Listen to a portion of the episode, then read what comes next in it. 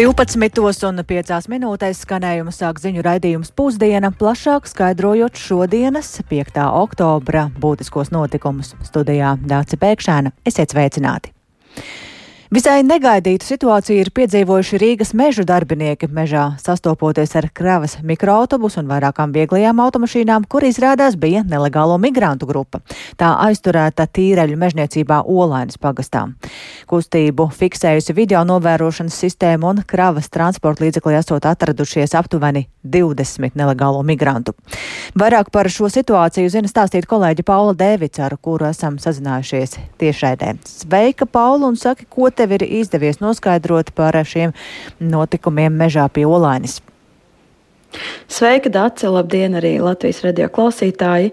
E, jā, vakar e, pusdienas laikā Rīgas mežu mežonieki fiksēja aizdomīgu transporta līdzekļu pārvietošanos tīreļu mežniecībā Olainas pagastā. Un to, kā jau tu minēji, fiksēja ar video novērošanas kameru sistēmu, un pamatā tā ir izvietota, lai nepieļautu atkritumu izgāšanu mežos. Un tad šie Rīgas meža darbinieki pamanīja kravas mikroautobusu un vieglās automašīnas, un tad uz aizdomu pamata, ka varētu tikt izgāsti atkritumi, devās uz notikumu vietu. Un paklausīsimies, ko par notikušo stāsta Rīgas meža pārstāve Ieva Bērziņa esot klāt notikuma vietā, saprotot, ka autobusā šajā gadījumā nav atkritumi, bet gan atrodas cilvēki. Saprotot, ka tie nav latviešu mēlē runājoši cilvēki un arī zinot, kas notiek apkārtējā telpā, Protams, mūsu darbinieki operatīvi reaģēja un visu informāciju nosūtīja pirmkārt valsts policijai, un tad valsts policija arī sākotnēji noskaidrojot situāciju, arī teica, ka mums par šo faktu ir jāsūta informācija arī robežsardzei. Nu, un pēc tam tālākās rīcības jauno tiesību sargājošām institūcijām. Jā, atzīmēšu, ka situācija kopumā varēja būt arī diezgan bīstama Rīgas meža darbiniekiem, jo nevar paredzēt, kā šādas cilvēku grupas var reaģēt uz aizturēšanu.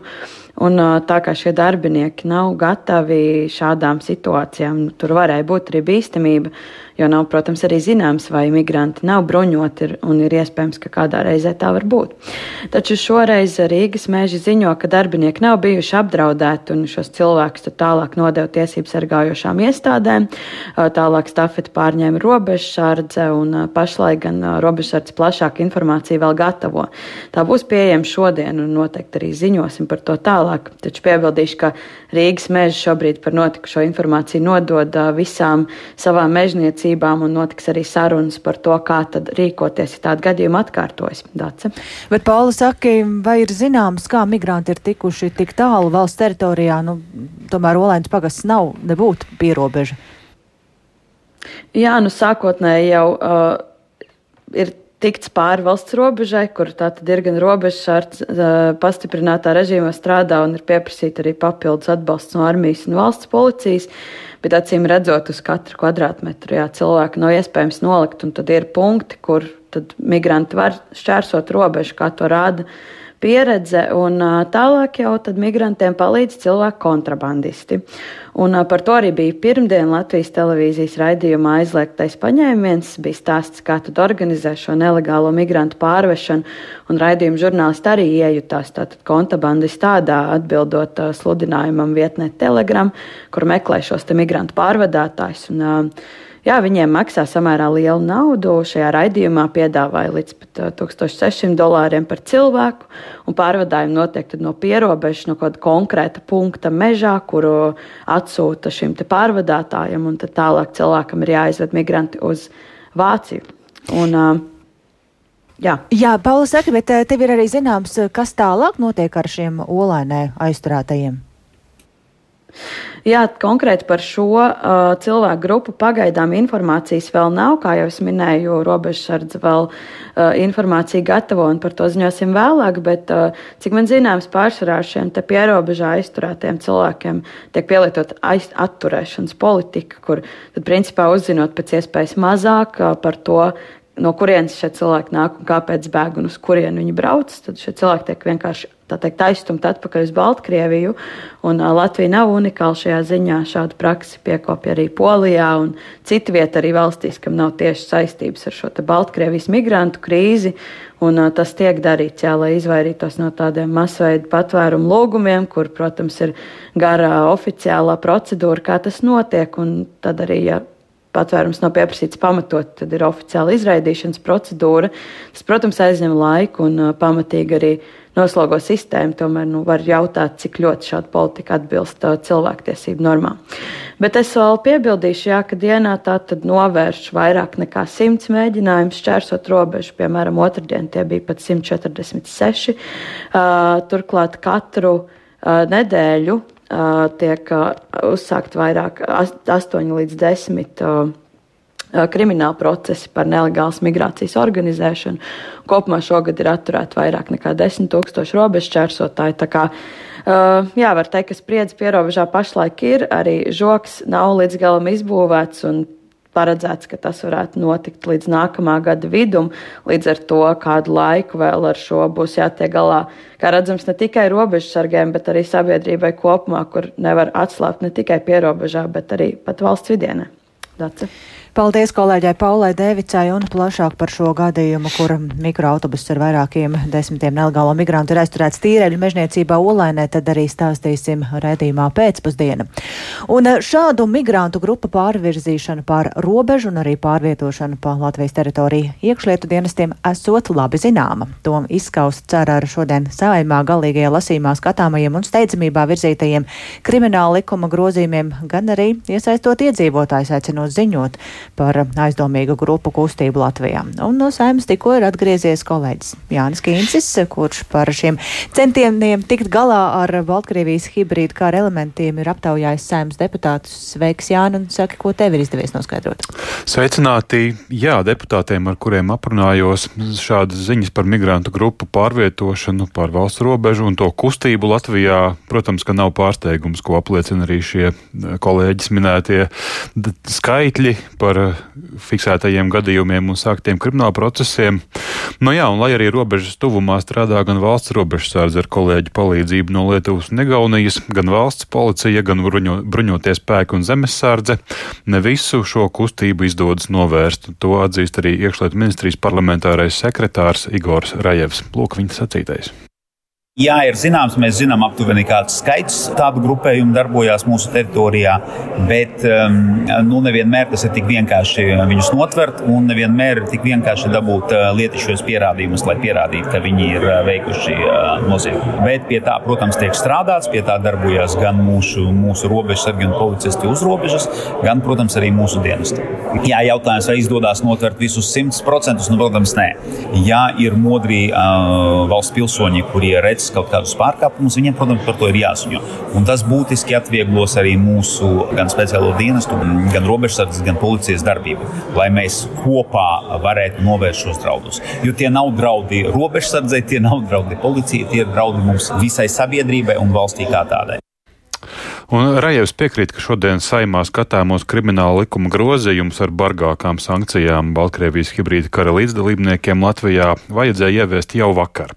Viņš uzsver, ka bargāki sodi paredzēti par uz robežu virzīto bēgļu grupu pārvietošanu pāri valsts robežai, par bēgļu izvietošanu un slēpšanu Latvijas teritorijā un par centieniem legalizēt bēgļu uzturēšanās Latvijā ar fiktīviem dokumentiem. Konkrētus skaitļus, cik šādu gadījumu ir, viņš gan neminēja.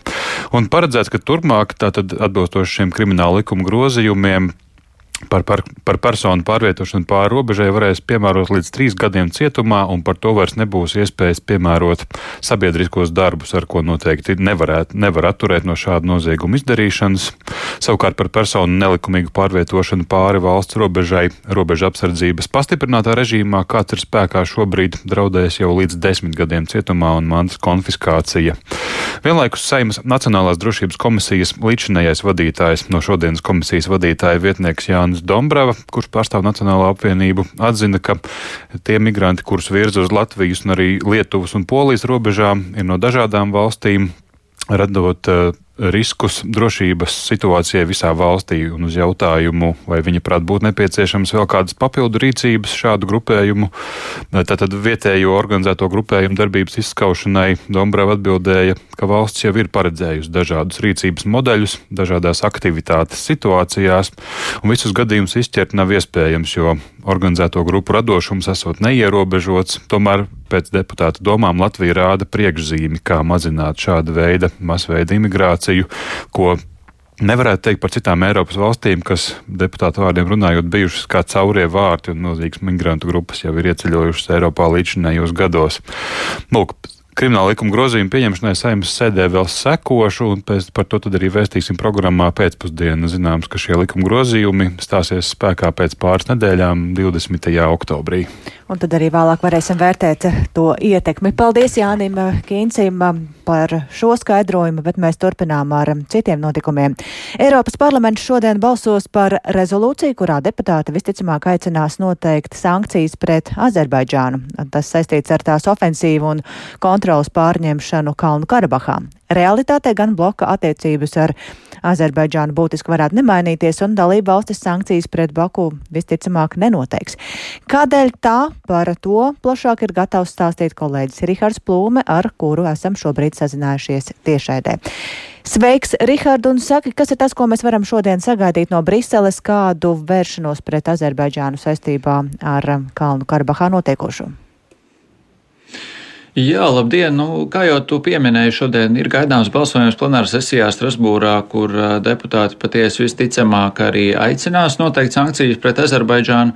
Tāpat parlamentā par notiekošo Kalnu Karabahā šonedēļ notika arī Eiroparlamentāriešu debatis, kur vairāk deputāti aicināja uz izlēmīgu Briseles rīcību pret uh, Baku. Uh, tikmēr aģentūra Reuters vēsta, ka Eiropas Savienība varētu pārskatīt attiecības ar Azerbaidžānu, to starp finansiālo palīdzību, kā arī uh, noteikt sankcijas atsevišķām personām, ja situācija pasliktināsies, atsevišķām personām attiecībā uz kādiem pārkāpumiem saistībā ar cilvēktiesībām, ja tādi tiks konstatēti. Eh, tas viss ir minēts Eiropas Savienības diplomātiskā dienas dokumentā, kas ir nonācis aģentūras rīcībā. Nu, netiek gan minēts, kā ir definējama situācijas pasliktināšanās, pēc, kura tad, eh, pēc kuras tad eh, varētu tikt pārskatītas attiecības ar Azerbaidžānu. Šodien tātad konkrēti ir sagaidāma rezolūcija par sankcijām pret Azerbaidžānu. Dace. Jā, un tajā pašā laikā Eiropas Savienība arī kritizē par to, ka tā nav stingri reaģējusi uz Azerbaidžānas militārajām darbībām Kalnu Karabahā. Kāds tam ir iemesls? Ja no Eiropas Savienības pārstāvis ārlietās Žuzefs Borels un arī daudz dalībvalstu bloka līderi ir nosodījuši Baku operāciju, tomēr uh, diplomāti atzīst, ka starp dalībvalstīm pastāv domstarpības par to, vai pret Azerbaidžānu būtu jāvērš stingrāk. Un, ja jā, tad kā diplomātiski vai politiski vai abejādi? Eh, diplomāti saka, ka Francija, Vācija un Nīderlanda ir starp tām, eh, piemēram, kas eh, tad mudina izteikt spēcīgus signālus pret šo valsti, bet citas, piemēram, Austrija un Ungārija atrodas pretējā pusē. Arī deputāte Natālija Loazo, kas eh, virza Eiropas parlamenta rezolūciju par sankcijām pret Baku, saka, ka stingru vēršanos pret Azerbaidžānu kavē atsevišķas dalībvalstis, piemēram, Ungārija, kas ir ļoti tuva Krievijai, Turcijai un Azerbaidžānai. Savukārt Austrija, Bulgārija un Rumānija ir atkarīgas no Azerbaidžānas gāzes. Paklausīsimies deputātes teikto. Jusqu'à aujourd'hui, l'Europe est restée passive pour le plus mauvais des calculs. Eiropa ir bijusi pasīva un veikusi nepareizus aprēķinus. Ziniet, mēs nevaram pieļaut, ka tas notiek aizbildinoties ar to, ka mums ir vajadzīga gāze. Vai jums tas kaut ko atgādina? Jā, Ukrainu. Mēs nevaram atkārtot pagātnes kļūdas. Mums ir jāglābj savs gods un jāglābj Armēnija. Sauvons notre honneur, sauvons l'Arménie. Tieši gāzes piegādes šķiet ir tas galvenais šķērslis Briseles reakcijā, proti Eiropas Savienība pēc Krievijas atkārtotā iebrukuma Ukrainā ļoti ievērojami samazinājusi gāzes piegādes no Krievijas, bet tā vietā izmantojot citus avotus, un viens no tiem ir tieši Azerbaidžāna. Brisele ir vienojusies līdz 2027. gadam dubultot Azerbaidžānas gāzes iegādi. Nu, tādēļ skaidrs, ka vienprātību atrast ir grūti, jo Azerbaidžānas gāze ir vajadzīga. Ja Brisele nelems stingrāk vērsties pret Azerbaidžānu, tā vietā tā varētu koncentrēties uz ekonomisko atbalstu Armēnijai. Bloks varētu apsvērt politiskas un ekonomiskas darbības, lai turpināt atbalstīt demokrātiski ievēlētās Armēnijas iestādes un arī atbalstīt demokrātisko reformu turpināšanu šajā valstī. Dace. Paldies Rihardam Plūmēm par šo plašāko skaidrojumu, un mēs turpinām ziņu programmu Pusdiena. Satvērsmes tiesa šodien pasludina spriedumu lietā par minimālo ienākumu slieksni un tā pārskatīšanas periodu. Līdz šī gada jūlijam likums noteica, ka garantētais minimālo ienākumu slieksnis ir 109 eiro. Pirms vairāk nekā gada 20 opozīcijas deputāti šo normu apstrīdēja satversmes tiesā, jo minimālā iztikas summa neatbilst cilvēka izdzīvošanas vajadzībām. Kamēr lietu tiesā skata šogad normatīvi ir mainīta un nu, tas ir 125 eiro. Taču lietas ierosinātāju ieskatā tiesai šajā lietā jāvērtē arī esošā minimālo ienākumu sliekšņu atbilstības atversmē, tā norāda bijušo saimas opozīcijas deputātu pārstāve advokāta Inese Nikuļceva. Pirmkārt, šis regulējums paredz, ka šo te summu aprēķina pēc noteiktas metodes, bet tie dati tiek ņemti. Nu, iepriekš tur bija pat 5, 6 gadu nobīde, tagad varbūt 3 vai vairāk gadu nobīde. Tas ir pirmais iebildums, ka tie dati ir vispār neaktuāli. Nu, un otrkārt, protams, ir arī tas iebildums, ka valsts vispār nav sareiķinājusi, cik tad cilvēkam reāli būtu tās minimālās vajadzības mēnesī, un tad deputāts sagaida, ka satversmes tiesa arī šīs normas atcels.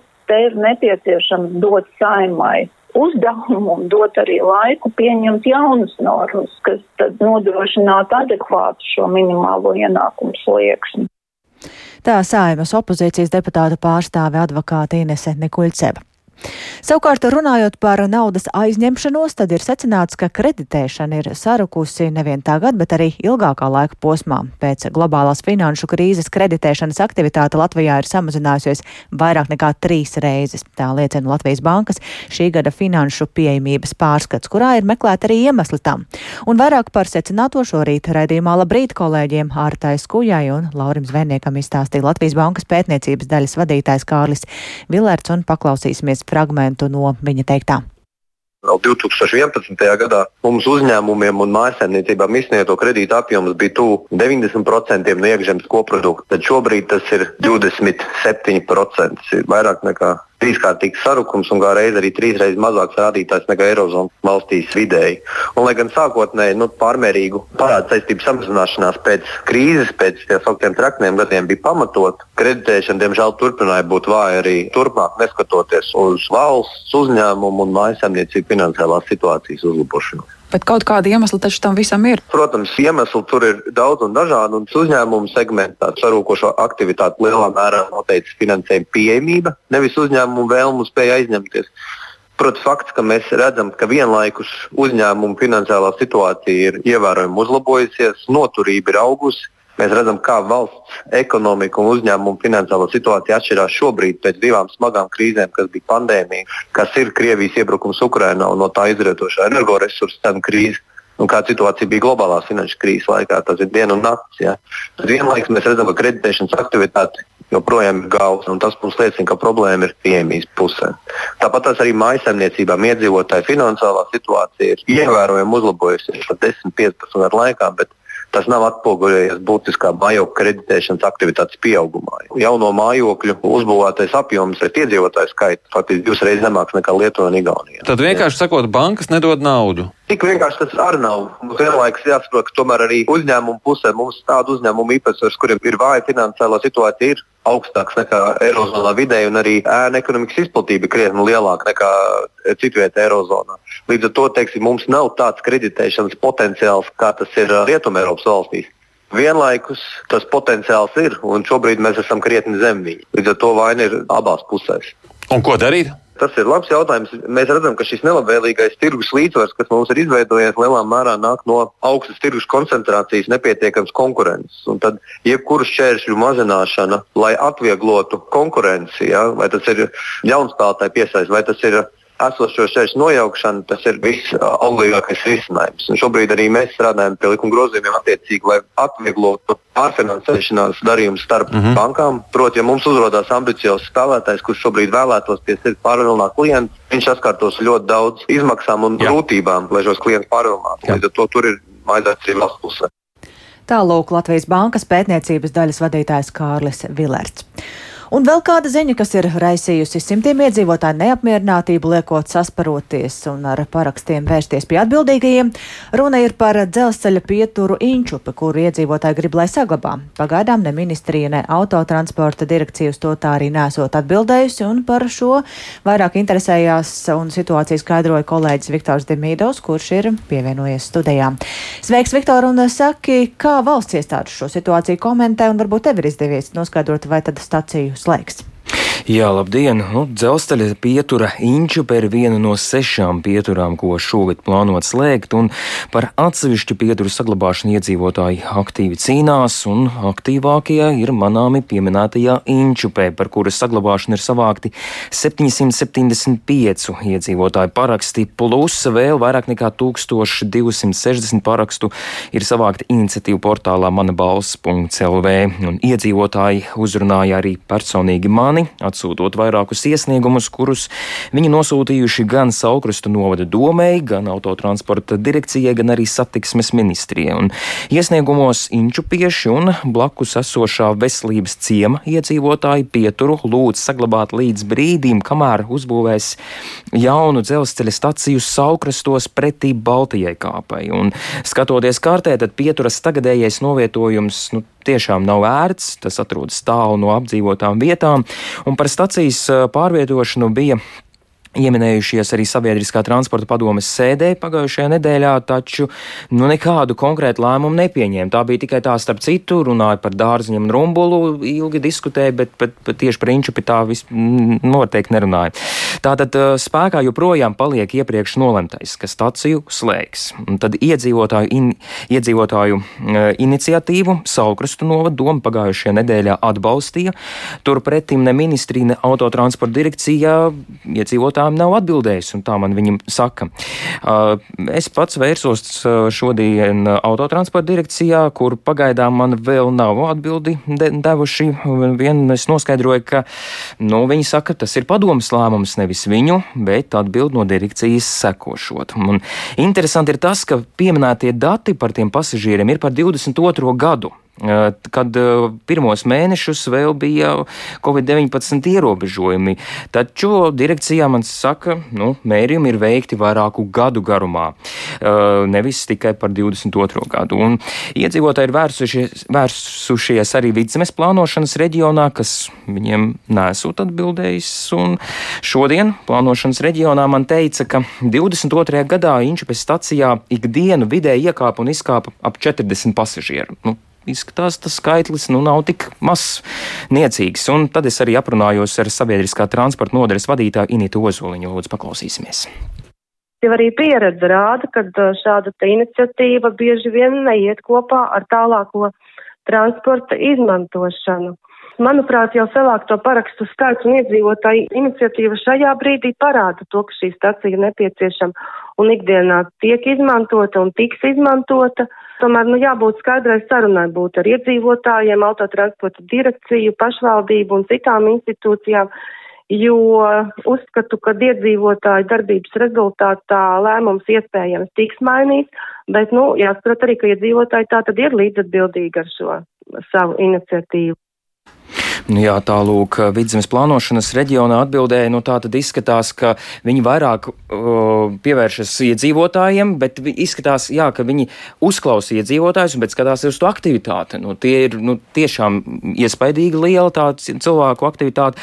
Un, uh, jā, vērsos arī pie satiksmes ministrijas, nu, ko tad darīs lielie priekšnieki ar, ar, ar šādu iniciatīvu. Nu, tad man atbildēja vienīgais to, ka uh, šodien raidījumā kruspunktā viesosies satiksmes ministrs Kaspars Briškens, un man būs arī iespēja ar viņu personīgi aprunāties, uzdot viņam jautājumus par šo un citām aktuālām lietām, tad arī sekosim līdzi, bet arī tas, ka iedzīvotāju atsūtītās vēstules ministrija saņēmusi tikai uh, septembra otrajā pusē, un uh, nu, pēc uh, ministrija saka, viņi ir visu saņēmuši, un tad atbildes apkopos. Tad nu, izklausās, atbildēs. ka neskaidrība joprojām saglabājas. Varbūt uh, to dzirdēsim raidījumā kruspunktā pēc brīža no satiksmes ministra, bet. Uh, Šobrīd izskan raidījums pusdiena, ko producēja Ilze Agīnta, ierakstus montēja Uldis Grīnbergs, par labskaņu rūpējās Regīna Bieziņa un ar jums sarunājās Dāca Pēkšēna. Raidījumu pusdiena, kā ierasts, var klausīties arī sevērtā laikā Latvijas radio mobilajā lietotnē, meklējot dienas ziņas, un arī Latvijas radio ziņām var sekot līdzi LSMLV.